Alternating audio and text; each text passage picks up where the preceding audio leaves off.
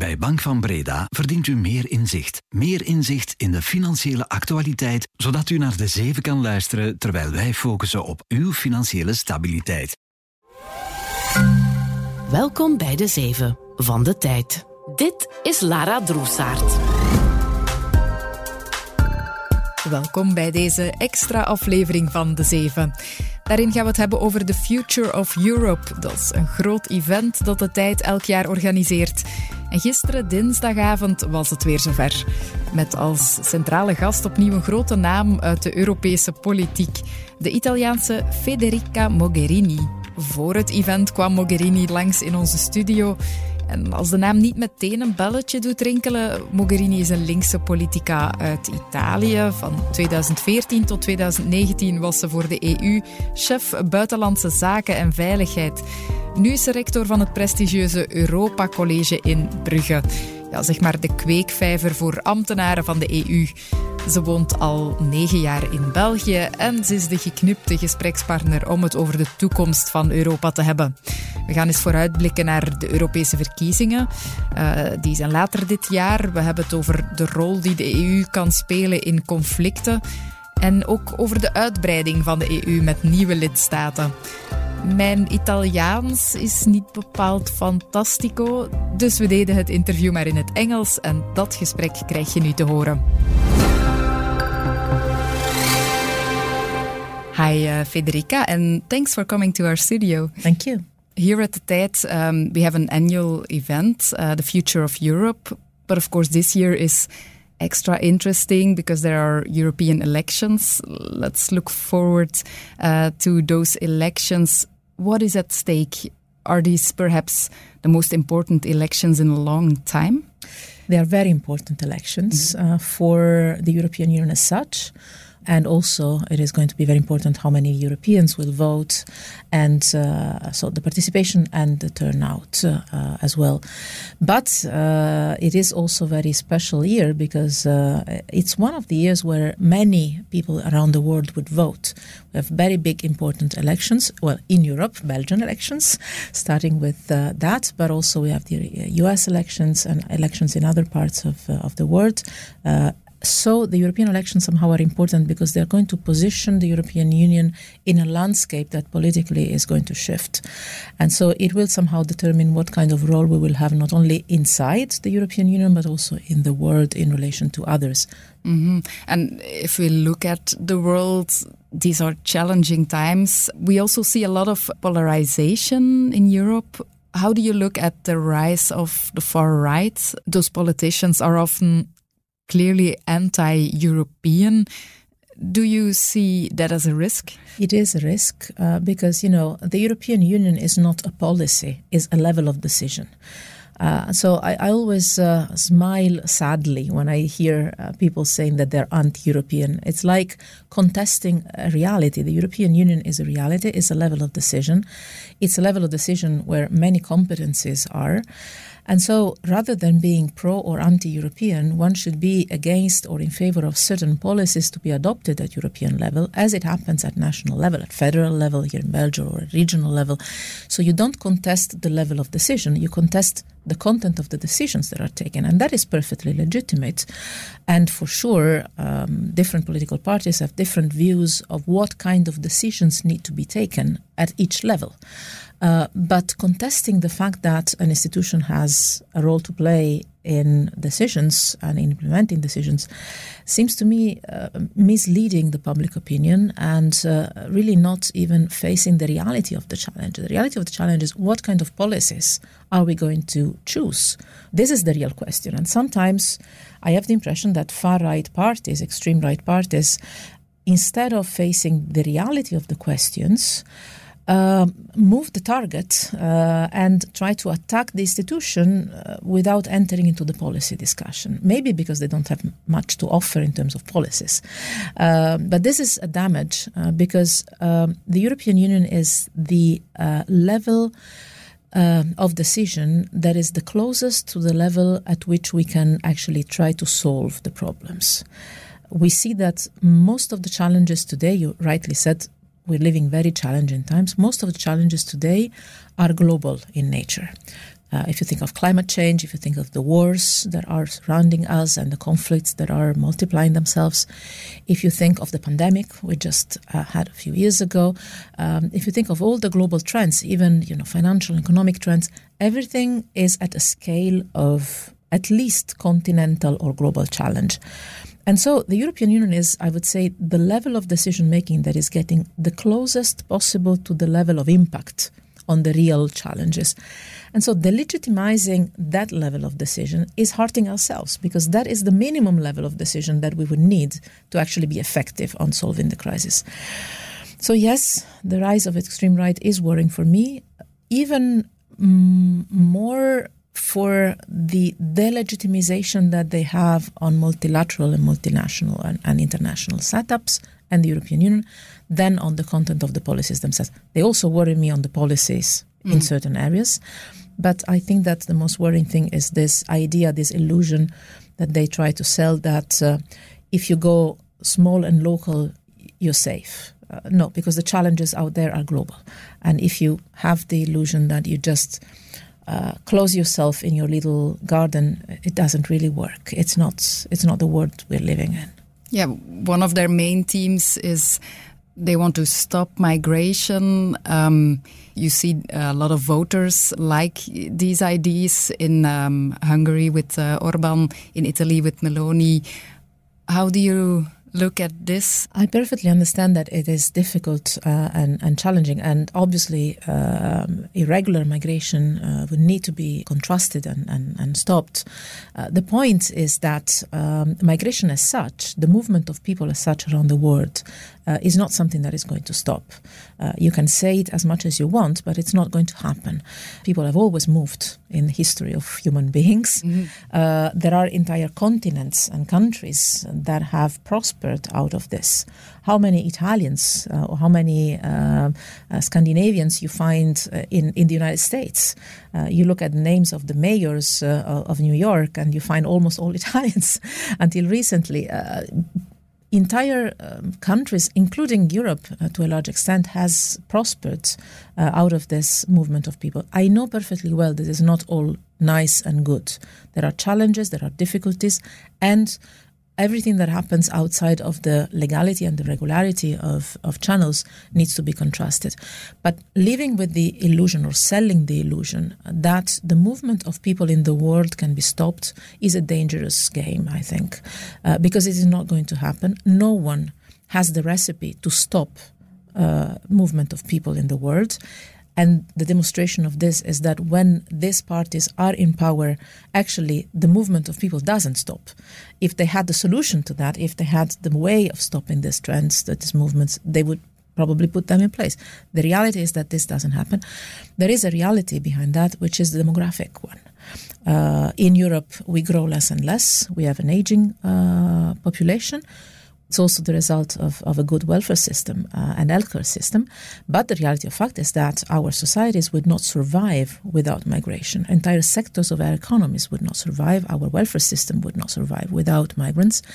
The point is not so much stopping migration. The point is having migration that is uh, mastered, uh, governed, and, and regularized. So, migrants that come through regular channels that would give Europe the migrants we need it's a difficult message to to the voters uh, to bring what what you've told now, or, or centrist parties have trouble uh, selling uh, this uh, message? It is uh, difficult, uh, especially because we live in times of uncertainties and fears. And in a society where fears and anxieties grow, sometimes it's easier to, to sell simplistic recipes, even if then they're not implementable. Uh, because they have the immediate effect of reassuring public opinions. But then the results are not effective. And this is, at the end of the day, the only thing that should count. Somehow, governments and institutions should be measured on their capacity to deliver. Well, I have the impression that today uh, they are often uh, considered and judged uh, and assessed not against what they have delivered, but against the message that is coming easier to the public opinion. Mm-hmm. And so those that are mm, good in selling an easy, immediate message, an appealing message for the immediate terms, uh, are more popular than those that maybe have a more complicated message to pass, but actually have delivered some results. Mm-hmm. Uh, if we look a bit further into um, the Europeans' role in conflicts, the war in Ukraine, uh, it's been going on for almost two years now. And also before, uh, there were already problems with Russia. In 2014, when you were uh, EU uh, foreign minister, Russia annexed Crimea. Did Europe act hard enough at that time? I think that at the time, Europe, uh, the European Union, uh, reacted uh, uh with the instruments it had, uh, which was economic sanctions first. Uh, that was important to signal to Russia that we were united and that we would have not behaved as before. Russia was a key strategic partner for the entire European Union and a major trade partner and investment partner for most of the European Union countries, mm-hmm. not only on energy, uh, on everything.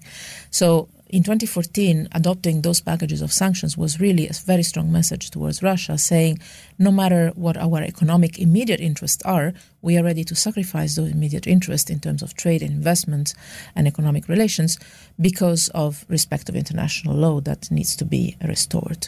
So that was the instrument that the European Union had at the time. And the other big instrument that the European Union had at the time and that it used um, was the uh, financial and the political support to Ukraine. Uh, which sometimes is not, I think, considered enough. But uh, imagine what if the European Union didn't put in place the package of support for Ukraine in terms of financial package, but also in terms of reform assistance and all the work that has been done to somehow build the state and, and strengthen the institutions and reform the country from within that since 2014 we've put in place now for almost 10 years. Without that work, today Ukraine would not be probably in the condition of facing the war situation it is facing, and that probably back then uh, would have been more difficult for Ukraine to face. Which um, brings me to say, at that time, the European Union used the instruments it had in those years, in 2016, 2017, then we met, started to develop the uh, instruments for the European Union to react also from a military point of view. It was uh, under under my mandate in 2016 that we started developing the European Peace Facility, for instance, that is now the one that is used to deliver military support to Ukraine. It was not existing before. Mm-hmm. In 2016, 2017, we set up the defense mechanisms for the European Union to be um, able to act also in the military field. And now the European Union is using those instruments. Uh, one day you've met uh, Putin. What did you uh, learn from that? Well, uh, and how was this meeting um, back then? Yeah, uh, I had a couple of meetings uh, where Putin was also present uh, uh, during my mandate. Uh, one particularly with Merkel and Hollande at the time. I had one only bilateral meeting with Putin, and it was in 2014. It was uh, probably the most unpleasant meeting in my life. Uh, it was very, very hard. It was very tough. It was after uh, the uh, Russian aggression against Ukraine had already started, and my visit to Moscow was uh, uh, following my visit to Kiev. So it was to pass the message of the European position, and uh, not that I would have expected uh, him to uh, consider me right and uh, and follow my advices, but uh, we delivered the messages. It was a very difficult meeting, but at least I understood the logic uh, he had at the time. Um, that was the assumption that the European Union would have not shown unity for long uh, he, I think, was calculating that the European unity would have collapsed much sooner than uh, actually it has happened. I mean, still we are united mm-hmm. in this, uh, even if it's big, it's always difficult. But at the end, the decisions are always taken together. Uh, and in any case, the sanctions we adopted in 2014 were still kept uh, without interruption. Um, so he was betting on dividing us, in which he failed, and he was betting on Ukraine to become a failed state in which he failed too, because the European Union put in place this support package that was massive. Uh, so at least I, that meeting was useful for me to understand which were his calculations and how to counter uh, these calculations and these plans. Um, on top of that, the war in the Middle East uh, began at the end uh, of, of last year. What role can Europe play in this conflict uh, because um, if you look at bigger uh, countries like America, they can weigh on Israel. Um, how do you look at that? Several layers of conflict are ongoing since decades. Um, we Europeans have always said that this was a conflict that needed to have a political solution long ago before the uh, escalation would have happened. And unfortunately, we were right. My very first visit when I became uh, High Representative of the European Union, my very first visit outside of the European Union was in Gaza, exactly to signal this that even if we were not seeing it, there was there an element of potential outburst mm-hmm. that would have exploded probably one day or another. Uh, and this is what happens when the international community neglects to put enough attention to conflicts for a certain period of time. What is the role of the European Union? Uh, the conflict in the Middle East is, is a very particular one, a very complex one, a very difficult one, one that touches different elements of um, interests and identity and uh, uh, the region and uh, religious symbols. A lot of different elements come into the picture. And it's a picture where not one single player in the world, no one, can alone solve it. Not even the United States. It is a conflict that, by definition, can only be solved by a combined, concerted effort in a multilateral setup. Uh, the US are needed, Europe is needed, uh, if not for other reasons, because we have always been uh, the ones somehow supporting the Palestinian Authority and uh, the Palestinian institutions in, in West Bank. Um, and uh, we have somehow the instruments to also incentivize a peace agreement one day but also because we are, I think, uh, still the masters of diplomacy in multilateral setups, and we can really help a lot. But we, we would never be enough alone. But not the Americans either. Uh, the Arab countries are needed. Um, I would say the, the, public opinions in the world are needed. Uh, the Muslim communities in the world are needed. Uh, um, the Jewish communities in the world are needed. Uh, the UN system uh, is needed. Uh, so Europe, for sure, has its role to play. But in the lack of a multilateral system that is functioning today, we do not have globally a place where we can together sit and understand who does what, in which way, and what is the roadmap to get to a, a solution that is sustainable in the interest of the Palestinians and the Israelis uh, together.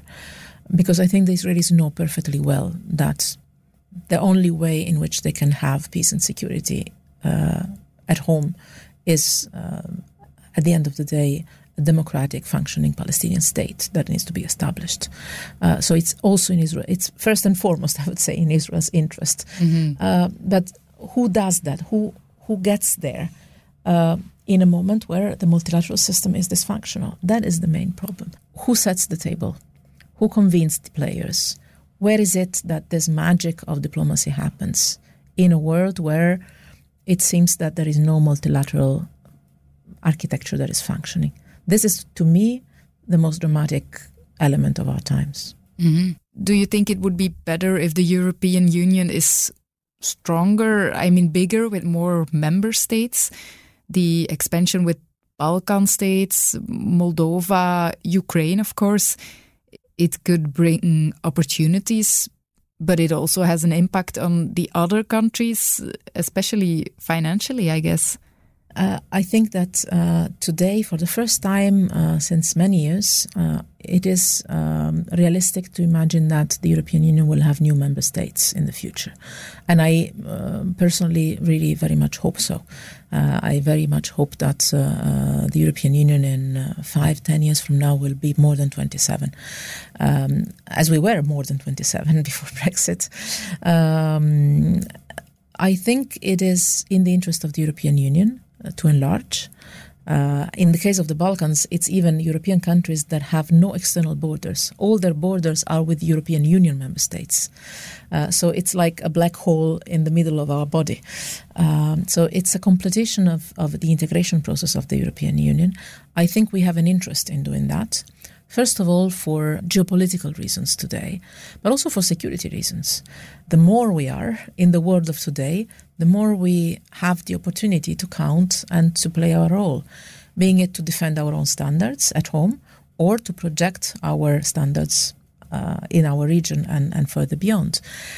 And especially if we look at the other elections that will happen uh, this year, namely the US elections, mm-hmm. uh, I think that we do have an interest in having a weight that is growing rather than shrinking. So uh, I think that the advantages of having more member states and being bigger in the future are far more relevant than uh, than the disadvantages. Also, considering that the member states that the new member states that will join the European Union will have to do it only once they have uh, complied with the uh, requirements that are always the same. I mean, uh, uh, we always say it's merit based, meaning that they enter only if the standards are required.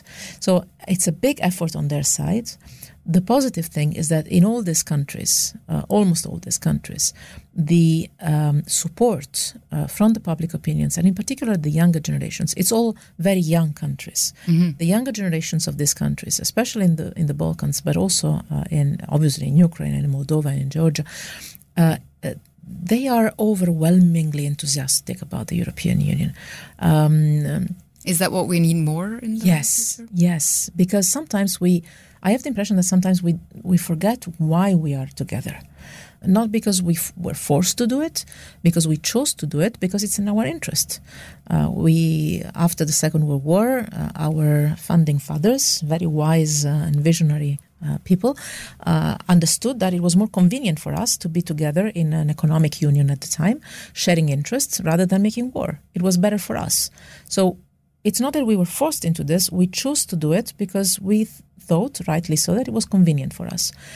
In these countries, this awareness that this is in their interest is still very much uh, present. And I think we need this injection of Euro enthusiasm in our uh, public debate. And in these countries, there is really uh, an impressive uh, push uh, for not only for economic reasons, but also for historic reasons. Take a country like Albania, a country that has been uh, completely isolated from the rest of the world for decades, that is now valuing enormously the possibility of being a NATO country and uh, in perspective, a European member state, where something like 95% of the population is enthusiastic about the European Union, regardless of the fact that they have to go through very serious and deep reforms and even painful reforms back home. But they are enthusiastic about that because they see why they are doing it. And it's not only economy, it's also it's also choice of who you are. Mm. Rule of law, democracy, uh, human rights, openness, certain values uh, that define who we are as Europeans. Uh, I think we it would be very healthy to have back a little bit of pride in who we are as Europeans. Mm-hmm. Um, we've talked a lot about the future of Europe, but what does the future hold for you? You're rector of the College of Europe now. You live in Brussels. Um, do you want to stay here or go back to Italy? What are your plans? I love being in Belgium. I love being at the College of Europe. Uh, I will uh, stay uh, in uh, in Belgium. I live between Brussels and Bruges, uh, both beautiful cities that I love. Uh, it's now my ninth year in in Belgium, so I plan okay. to to stay. I love my my work at the College of Europe. it's it's an incredible environment. I discovered a new vocation at the College of Europe, I enjoy very much. Uh, so uh, I I plan to stay until the end of my mandate as director there, uh, but hopefully also to continue for a second mandate. I would love to do that. So I plan to stay and uh, maybe you want to uh, have the Belgian nationality. In, uh... I would love to. Uh, I, I, um, from time to time, I was uh, I was uh, joking, but not. It's not that much of a joke with your current prime minister that I know from the times when he was development minister, among other things, because he was sitting in a council that I was chairing when I was high representative, and I always told him sooner or later I will get the Belgian nationality. So when I became um, prime minister, I reminded him about this plan. I still plan to do it. Uh, I would love to because I like Belgium. I think Belgium is a wonderful country. I love living here. I love the Belgian people that I think are uh, incredibly equipped to handle diversity and, uh, and, and compromises, which are two of the things that are most needed in these times of complexity in the world. Um, I think it is a fascinating country, and um, yes, I plan to stay here. So why not? And that means you can vote here in Belgium as well. Not uh, now, in the future. Maybe, uh, yes. Do you know the Belgian politics? Uh? Uh, well, uh, yes, I follow a bit. even if it's probably more complex than the Italian politics, which is a challenge. Uh, no, but yes, I, I follow a bit, uh, obviously, the, the Belgian politics, not only for personal, I mean, for interest. I mean, wherever I would live, I would follow a bit the politics, uh, but also because um, being director of the College of Europe, the College of Europe is uh, a Belgian institution, it's a Flemish institution, uh, Belgian, supported by the federal government of Belgium and the European institutions. So uh, we are rooted in Belgium, and I definitely, also for professional reasons, and so follow the uh, the developments in, in the Belgian politics following this very interesting electoral year in Belgium at all levels uh, and coinciding with the Belgian presidency of the European Union too. So um, even more exciting. All right, that's all for this interview, uh, Federica. Uh, it was very interesting to have you here in the studio, and uh, thank you for your time. Thank you. Dit was De Zeven met Lara Droessaert. Productie door Bert Rijmen van op de redactie van De Tijd. Bedankt om te luisteren. Morgen zijn we er weer.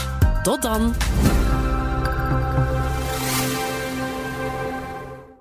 U verdient meer partners. U verdient meer zakenpartners. U verdient meer zakenpartners zoals Bank van Breda. Zodat u echt tijd kan maken voor uw levenspartner. Ook u verdient meer Bank van Breda. Professioneel en privé. Bank van Breda. Enkel voor ondernemers en vrije beroepen.